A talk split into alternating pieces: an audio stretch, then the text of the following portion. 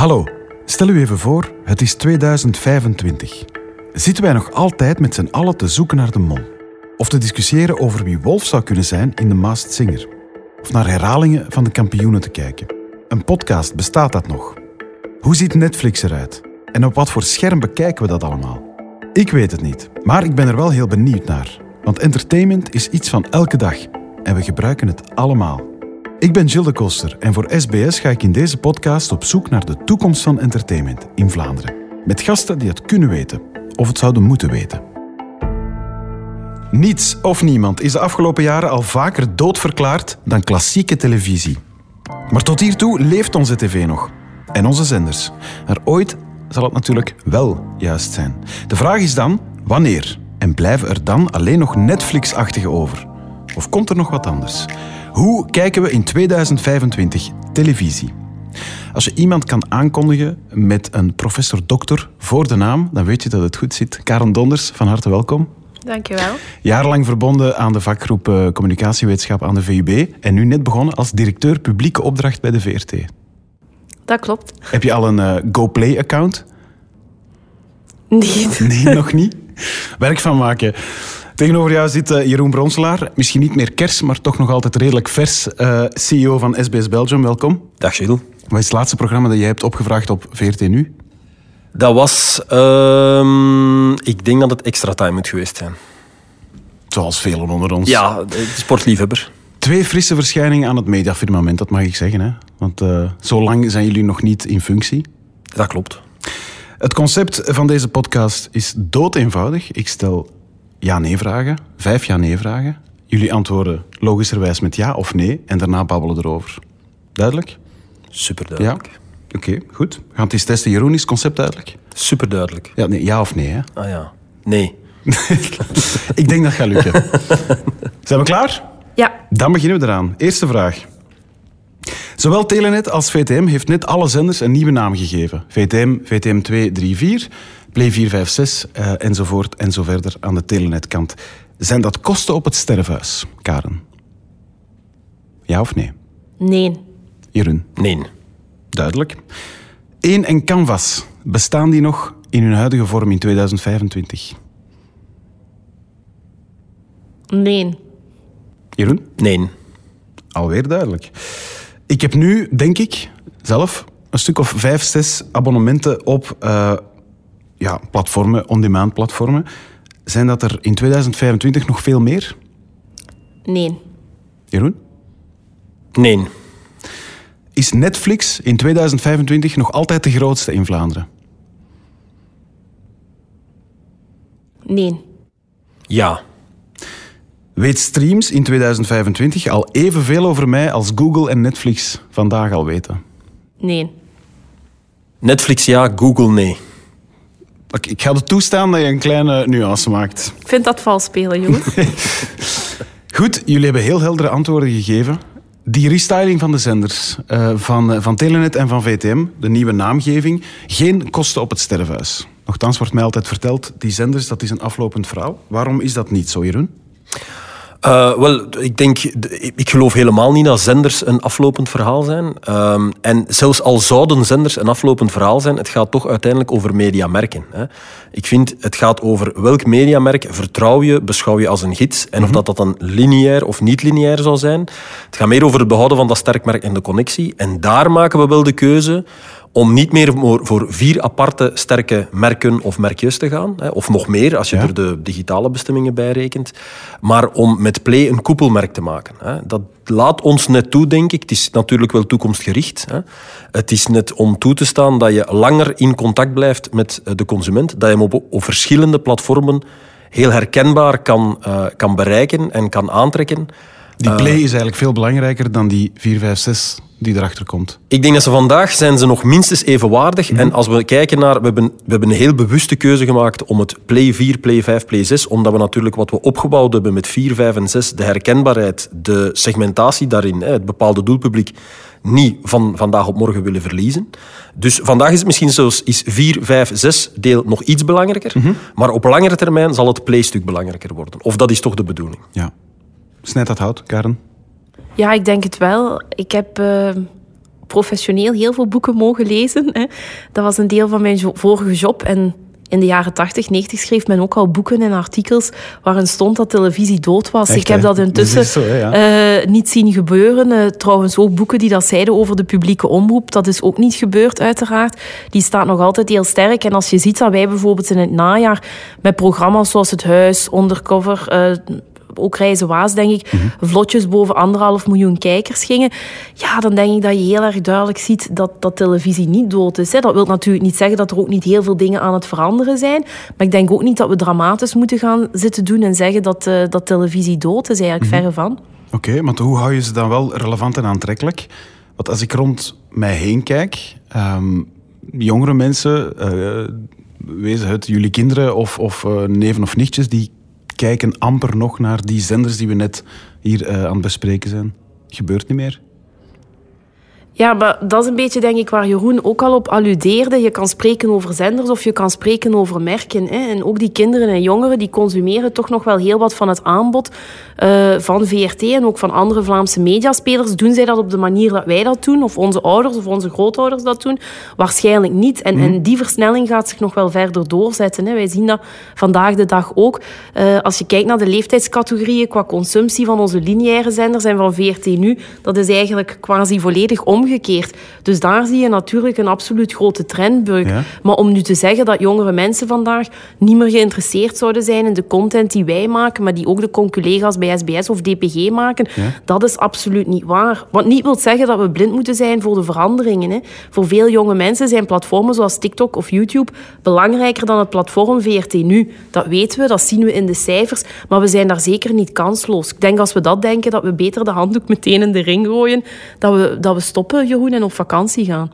Wat dat geen slecht idee zou zijn, maar ik ben het hier ook wel volmondig mee eens. Ik, ik denk inderdaad, eh, om heel eerlijk te zijn, ik denk wel dat we het nog niet helemaal weten. Hè. Er, is een, er is een groep van kijkers aan het ontstaan, eh, laat ons zeggen 12 tot 18 op dit moment. Ik denk de 18-jarigen, dat is nog relatief traditioneel. Ik kan zeggen, zitten op andere platformen. Volgen toch nog wel eh, de, de traditionele programma's. Maar nu is er een generatie ontstaan, en jongeren ook, hè, die Ja. heel anders kijkt. Hè. TikTok, Instagram, eh, Snapchat, we hebben dit inderdaad Dus dan moet je eigenlijk zien dat je merken op die platformen ook... Je gaat als merk, je gaat als talent, je gaat als programma ook op die platformen aanwezig moeten zijn. Want an- ja, je gaat hen daar op een of andere manier moeten bereiken. Je gaat daar het verhaal ook een beetje moeten vertellen. Sommige stukken zullen zelfs alleen daar, hè, eh, denk ik, eh, terecht kunnen. Eh, allee, ik zal Julie Vermeijden als voorbeeld nemen. Ja, dat, dat kan echt een TikTok-personality zijn. Daardoor kan die een zeer groot bereik opbouwen bij een heel jonge doelgroep. Dat is de, ik, ik geloof er heel sterk in dat zij die doelgroep ook wel naar traditionelere televisie of online Ja. kijkplatformen kan Ja. brengen. Maar zelfs dat is voor mij niet heel erg nodig. Als Julie dan eh, duidelijk gelinkt is aan het eh, merk Play en aan het, totale aanbod van wat dat Play brengt, dan kan zij een facet zijn hè, van je aanbod voor een heel bepaalde doelgroep op een heel bepaald platform. Zolang dat ze maar linkt aan je totaal verhaal, ja, dan is ze onderdeel van je portefeuille. Karin, je zei wel, één en canvas, 2025, niet meer in de huidige vorm. Ja, ik denk dat dat een evidentie is. We zien die verschuiving vandaag trouwens ook al. Hoe, Hè. hoe gaan ze er dan wel uitzien? Ja, ik denk natuurlijk wel dat ze ook nog in de huidige vorm gaan bestaan, maar niet meer alleen in die vorm. Hè. Dus één en Canvas gaan bijvoorbeeld veel prominenter aanwezig zijn op VRT nu. Hè. Dat lijkt me heel evident. Nu hebben al die merken vaak nog een aparte online extensie. Ja, daar kan je van afvragen of dat in twee- eh, 2025 nog wel, eh, nog wel het geval gaat zijn. Maar het gaat niet alleen louter nog dat lineaire zijn en het is ook niet per se zo dat dat lineaire in de driver's seat gaat blijven zitten. We gaan ook programma's soms eerst online zetten en dan pas lineair. Dat is allemaal perfect mogelijk. Ik heb nu op dit moment een stuk of vijf abonnementen op alle mogelijke streamingplatformen, want je moet weten wat er eh, allemaal geproduceerd wordt. Ehm, dat gaan er nog een pak meer zijn, denk ik dan, in 2025. Maar jullie zeggen nee. Maar kijk, zijn het betalende platformen? Ja. eh, betalende Ik heb het over betalende abonnementen. Vijf, vijf, ja, dat... Misschien zijn we er alle twee een beetje te veel naar onderzoek aan het kijken, maar het onderzoek toont wel aan, er is, er is een grens van het aantal diensten dat mensen nemen. Eén, omdat het te duur wordt. Hè. Ja. En misschien, ik denk dat met vijf betalende abonnementen dat je al een beetje een heel specifieke gebruiker bent. Maar dat klopt ook, want je werkt in de media. Een dus speciale, je mag het een zeggen. speciale, maar dat klopt ook. Hè. Je werkt in de media. Ja. Mensen in een bepaalde sector hebben altijd, gebruiken meer van de dienst van hun sector. Dus dat, dat klopt nog wel. Gemiddelde zit vandaag op t- 1, 2, 3. Laat Mhm. ons zeggen 2. En als je dan puur kijkt naar de prijzen van die, van die diensten, ja, die gaan niet meer uh, de helft kunnen kosten van wat ze vandaag kosten. De meeste werken al aan zeer nauwe of negatieve marges, dus die prijzen gaan gelijk blijven. We hebben het over streams, Netflix, Amazon. Streams, Netflix, Amazon Prime, uh, YouTube uh, Prime, ja. Premium. premium ja. dat, dat zit allemaal, de goedkoopste zijn 5 à 6, je hebt 10, 11, 12. Hè. Je hebt heel premium diensten zoals Playmore, die zitten rond op de 25. Maar als je dat optelt, je zit toch minstens aan 2, 3, 4 keer 10 euro. En dat is toch wel zo'n beetje een grens hè, mm -hmm. voor de modale gebruiker. 30 tot 40 tot 50 euro geven aan, een, aan premium content, dat zal het wel zo wat zijn. De vraag is niet alleen op, op, puur op kostprijs gericht, maar ook op gaan er niet nog veel meer bestaan. Want we hebben ze uit de grond zien schieten als paddenstoelen de afgelopen jaren. Streamingdiensten, al dan niet betalend. Gaan er nog veel meer zijn in 2025? De vraag stellen is te beantwoorden, denk ik. Er gaan nog ongetwijfeld veel bij komen. Er ja. gaan nog ongetwijfeld ook veel sneuvelen aan Koerdehoed. Daar ben ik van overtuigd. Maar ik ben wel akkoord met, uh, met Jeroen. Het onderzoek op dat vlak is toch duidelijk. Daar is wel een limiet aan. Je bent inderdaad een beetje een afwijking op de statistieken, zou ik dan... Speciaal zou ik dan zeggen. Ja. Um, en je ik moet ben al erger genoemd. Ik vind eerlijk gezegd speciaal beter klinken dan een afwijking op de statistieken. Ja, dat is, sorry, dat is dan mijn wetenschappelijke achtergrond die nog meespeelt. Uh, maar je moet natuurlijk ook nog erbij tellen dat mensen daarnaast ook nog uh, subscripties hebben op nieuws, maar bijvoorbeeld ook op audio. dus dat zijn ook allemaal dingen die er nog bij komen. Als je dan in een gezin bent met twee kinderen die ook nog uh, speciale dingen willen en zo, dan wordt dat op een bepaald moment best, mm -hmm. wel, best wel veel. En je ziet dan ook, in sommige landen gebeurt dat dat al wat meer als bij ons, dat je verschillende aanbieders hebt die zich een beetje aggregeren. Hè? Dus dat je uh, bij Telenet of bij Proximus, dat je daar eigenlijk binnen het abonnement dat je betaalt, dat je daar dan verschillende diensten in hebt, wat ook wat gebruiksvriendelijker is ja. voor de consument dan allemaal die verschillende producten te moeten nemen. Dus ik zie daar eerder nog een beweging richting wat meer aggregatie. De uitdaging is dan natuurlijk het prijspunt moet wel interessant blijven voor iedereen. Zoals Jeroen ook al aangaf, ja. zit daar wel wat spanning op. Netflix is op dit moment de grootste in Vlaanderen, uh, veruit nog. 2025, is dat nog zo? Ja, ik heb daar nee op geantwoord. Ja. Misschien een beetje meer uit ambitie dan uh, uit realiteit. Ja, maar goed, dat, dat, dat maar uh, ik, ik, ik hoop toch dat we als publieke omroep met VRT nu daar toch een antwoord op kunnen, kunnen bieden. En ik denk ook wel bij de collega's dat daar ook mogelijkheden zijn. Ik denk dat we op zijn minst die ambitie moeten hebben om daar toch een sterk verhaal naast te zetten. Ja? Okay. En dichtstaan bij de mensen. Ik denk dat dat onze grote kracht is. Dat gaan internationale platformen nooit of toch heel zelden kunnen doen. Dat is ook een van de redenen waarom in onze beheersovereenkomst, die eind vorig jaar uitonderhandeld is, dat daar staat dat de VRT dicht bij Vlaanderen en de Vlaamse samenleving moet staan. Ja, dat, goed, is dat echt kan van alles betekenen. Ja, nee, ik weet dat daar veel mensen heel andere betekenissen achter zoeken, maar ik heb ze mee onderhandeld. Dus de betekenis daarvan is effectief dat we in een echt internationaliserend medialandschap zitten en dat het op zijn minst de taak is van de publieke omroep en anderen kunnen dat uiteraard ook doen, om toch dingen aan te bieden die heel dicht uh, staan bij de ja, mensen. Hè. Maar dat, dat is gedaan niet... met, met Undercover aan Netflix te verkopen. Dat ga je dan toch niet meer doen, als je VRT nu groter wil maken? Niet per se. We gaan ook met, uh, met streams, hoop ik, veel kunnen, kunnen samenwerken. Ja. Hè. Dus het, ik, ik geloof niet zo echt in dat verhaal waarbij het succes van VRT nu uh, per se Ten slecht zou gaan, zijn ja. van, van, van, uh, dat dat ten koste zou gaan van Netflix of van streams of van anderen. Ook omdat de propositie van VRT nu heel anders is. Hè. Bij, bij Netflix bijvoorbeeld, dat is heel duidelijk op een aantal documentaires na is dat toch vooral een fictieplatform ja. uh, waar heel veel, er staan wat originals op, maar ook heel veel, hè, laten we ook wel, wel wezen, heel veel series. Hè, waar Brol, ook, dat is ja, ik wil ik wil het al zelf niet zeggen, omdat er ook heel veel goede dingen op Netflix uiteraard staan. Nee, maar het is inderdaad Eh, is maar de kwantiteit gericht. hè, De ja. propositie van VRT Nu is heel anders. Je gaat daar fictie vinden, maar je vindt op VRT Nu, als je er naartoe gaat, of regelmatig er naartoe gaat, je vindt daar heel veel informatieve programma's, journalistieke Maar het is formats. een verlengstuk nog van beide interest. zenders van de openbare omroep. Ja, dat moment, gaat hè. natuurlijk Ja. wel keren. Hè. Je Ja. gaat daar ook wel wat meer web-only content zien, wat meer shortform. En tegenwoordig zetten wij op 14 nu ook al hè, de links naar podium 19, Hm. de toetsessies. Dus je ziet ook cultureel dat dat wordt opgeladen. Dus die propositie is heel anders. Dus daarom zie ik dat ook niet in concurrentie met platformen zoals Streams of Netflix of ook Disney Plus bijvoorbeeld. Kan streams groter worden dan Netflix in 2025? Wel, ik heb eh, geantwoord vanuit betalende platformen. Ja? Want ik denk inderdaad dat de, de, de, de GoPlays, de VTM Go's, die zullen groter zijn, denk ik. Die zouden groter moeten zijn. Vanuit betalende zal het, denk ik, net te vroeg zijn. Ook omdat ik verwacht dat de komende jaren wel heel moeilijke jaren gaan worden. Dus er gaan zeer veel of toch veel, er gaan nog een aantal internationale diensten bijgelanceerd worden. Dat gaat het ik beschouw uh, Netflix is nummer 1, streams is eigenlijk nummer 2 vandaag. Maar HBO komt eraan. Hè, HBO Max wordt gezegd dat het ja. eraan komt. Hè. Dat wordt elk, ook weer, daar weer wordt elk jaar aangekondigd. Wordt eigenlijk al sinds 2017 aangekondigd dat het eraan. En elk jaar schuiven, schuift HBO zelf een jaartje vooruit. Dus ik ben niet zeker dat het eraan komt. Maar het is wel een ambitie dat streams die richting uitgaat, mag ik hopen. Uh, maar op, de, op lange termijn is de ambitie, okay. streams moet even groot zijn. Eigenlijk hoe, is de ambitie... Hoe, hoe, ga je het doen? Want, want die budgetten natuurlijk zijn aan de Amerikaanse kant onevenaarbaar. Dat, dat is gewoon zo. En het is een wereldwijd product, Netflix. Hoe ga je daar als Vlaamse streams op antwoorden? Ja, door lokaal sterker te staan en door de marketingkracht van de lokale spelers. En hoe sterker dat de, de lokale zenders zijn... En ja, eigenlijk rekenen we daar altijd de VRT ook bij. Hè. We, hopelijk komen tot een vergelijk om het op langere termijn ook VRT-content op streams te hebben. Um, is dat wat je hoopt? Dat, je, dat er één Vlaamse uh, streamingdienst gaat zijn waar alles in zal zitten? Uh, voor, als betalende premium streamingdienst is dat een gegeven. Dat, ja. Dus wij, naast VRT Nu, GoPlay, uh, VTM Go één streams waar al de rest op zit. Wat je dat zal de enige realiteit zijn, denk ik. Dat, is, dat hebben we bij, bij, bij Talent ook al... Wacht, we gaan het vragen aan de VRT. Ah, we gaan het vragen aan de VRT. Ja, we spreken daarover. Hè.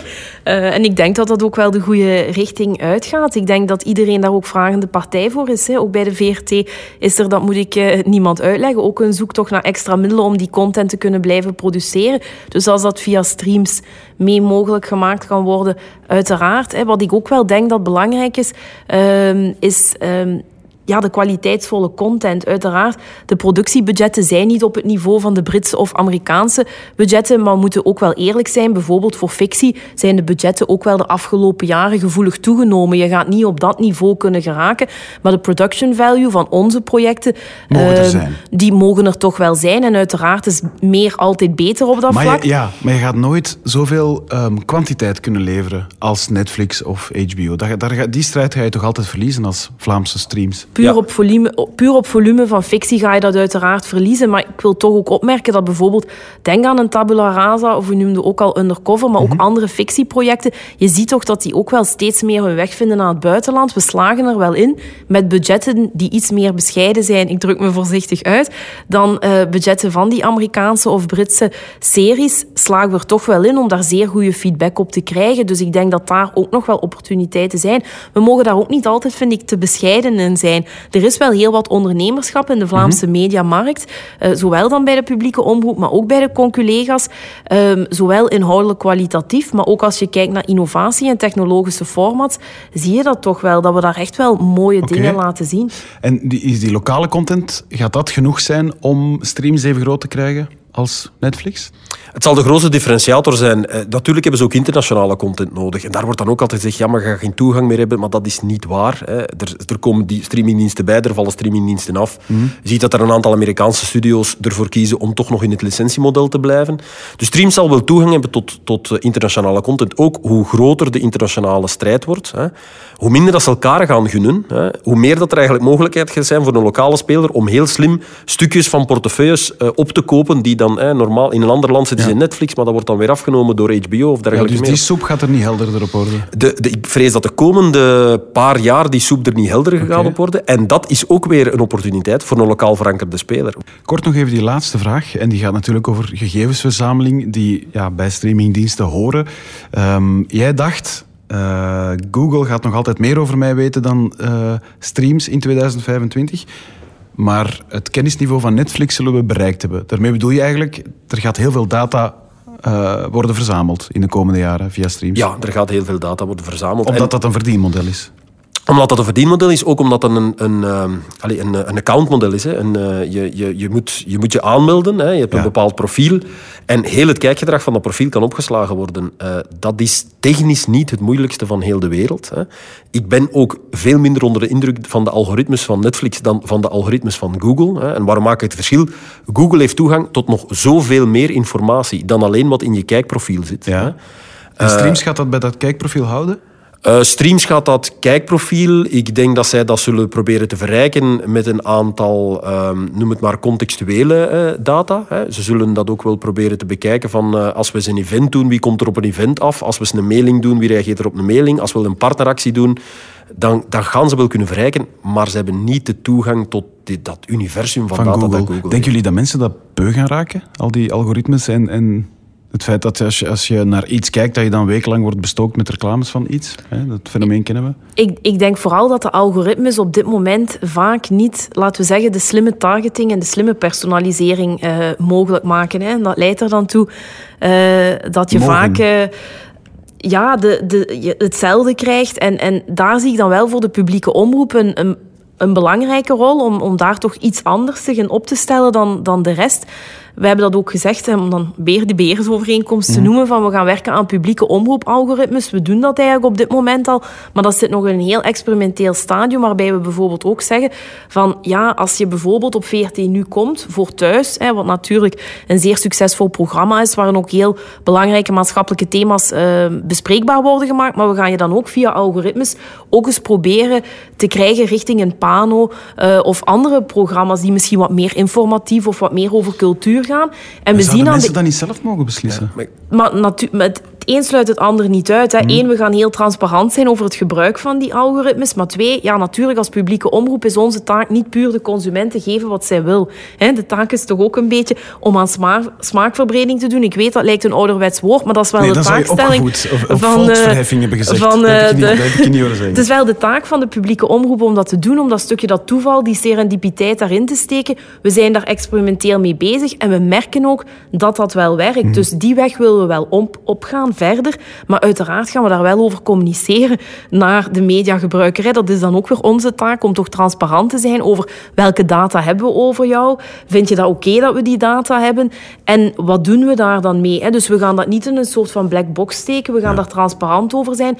Maar nee, ik vind niet dat het taak is van de publieke omroep om kosten wat kost mensen zo lang mogelijk op je platform te proberen houden. Nee, en altijd hetzelfde te laten natuurlijk zien. wel een, een, een doelstelling zijn. Hè? Dat, dat uh, Ja, absoluut. lijkt me helder. Hè? Allee, maar ik denk dat we alle twee kijkduur willen maximaliseren hoor, op onze platformen. Ehm, ik had nog wel een vraag Karen, over een, een publiek omroepalgoritme. Waarom een algoritme? Want wat dat wij en jullie ook zeker vandaag doen, het, het stukje... Is het altijd algoritme? Hè? Willen mensen niet eens verrast worden? Dat, dat, vandaag doe je dat ook editoriaal. Hè? Ik geloof ook dat dat zelfs in 2025 nog altijd een heel stuk van onze kracht zal zijn. Het feit dat we editoriaal en data en dat je iets programmeert. Hè? Dat je echt Ja. iets programmeert, dat je zegt, kijk, er is nog geen, er is geen bewijs, dat, geen algoritmisch of databewijs dat dit gaat werken, maar wij denken wel dat dit gaat werken. Buikgevoel. Ehm, buikgevoel, hè, nog altijd van een televisiemaker. Vinger aan de polsgevoel, dit gaat werken, dit is nog nooit gebeurd. Eh, het algoritme zegt nee, maar ik denk ja. Wij gaan daar altijd ruimte aan blijven. Ik denk dat jullie dat ook doen. Maar waarom een, een algoritme dat dat doet? Da- daar, da- daar stel ik me soms wel een beetje de vraag. Het is niet het een of het ander. Hè. Dus uiteraard gaan wij ook op 14 nu, dat doen we nu ook vandaag al, Ja. gaan we blijven programmeren. Dat lijkt mij nogal evident. Je gaat dat niet allemaal... Ik denk ook op een bepaald moment dat je bijvoorbeeld kan zeggen, dit is nu eens een programma of een aanbod waar we echt trots op, op zijn. En dat gaan we gewoon heel erg naar boven zetten, los van het algoritme. Dus dat gaan we Ja. ook blijven doen. Eén heel korte laatste vraag. Eh, jullie schetsen een, een fraai, toekomstbeeld, vind ik als mediagebruiker, omdat er heel veel aanbod zal zijn. Wat met de adverteerder die dat mee financiert? Gaat die, financiert, gaat die nog zijn spotje voor shampoo kunnen kwijtgeraken ergens? Of zijn, zijn programmasponsoring in het geval van VRT? Ja, bij ons natuurlijk wel. Hè. Ehm, ik, ik, eh, ik denk dat onze uitdaging is ja, maar. Jeroen, betaal, als ik betaal voor streams, wil ik niet nog eens eh, reclame erbij natuurlijk. Het is het een of het ander hè, als, als eh, eindgebruiker. Ja, maar daarom, daarom denk ik dat er een combinatie gaat zijn van betalende diensten, licht betalende diensten. Allee, het, is, het is niet dat we freemium niet kennen. Hè. Dat heeft Spotify, Spotify dan uitgevonden. En de hele wereld zit er ook naar te kijken. Ehm, en de, laat ons dan zeggen, de basis, het basisaanbod of eh, het, het gratis online aanbod, waar je misschien heel veel eh, reclame gaat krijgen. Dus reclame zal er in alle maten en vormen zijn. Dit gezegd zijnde, ik denk dat adverteerders op dit moment op zoek, ook op zoek zijn naar net, naar net iets meer dan de traditionele spot. Hè. Um, het kunnen hangen van hun boodschap aan een bepaald stuk content of met een bepaald stuk talent of een extra stuk content maken dat dan aan de kijker wordt aangeboden door... Is interessanter. Zal, zal interessanter zijn en dat is dan misschien wel waar dat we ze ook weer als lokale speler, hè, je laat zien dat je de mensen heel goed kent, dat je de boodschappen helemaal goed begrepen hebt, waar dat je het verschil gaat kunnen uh, maken. Ik ben daar ook wel mee akkoord. Je ziet ook wel de laatste jaren is toch ook heel wat onderzoek dat aantoont dat adverteerders ook wel wat teleurgesteld zijn in de return on investment die ze krijgen bijvoorbeeld op de grote internationale platformen. Als je adverteert toch ook hè, bij VRT, bij SBS, DPG, je zit dan toch in een bepaalde kwaliteitscontext die ook niet onbelangrijk is. Dus ik denk zeker, pas op, dat gaat geen evident verhaal zijn. Hè. Uh, dat is zeker geen makkelijke markt, maar ik denk wel dat er dingen te realiseren zijn, ook middels samenwerking. Dat hoop ik toch, uh, dat we dat gaan kunnen doen. De VRT speelt daar natuurlijk een beetje in een ander uh, veld, omdat wij beperkt zijn op dat vlak door de beheersovereenkomst. Dat is ook prima.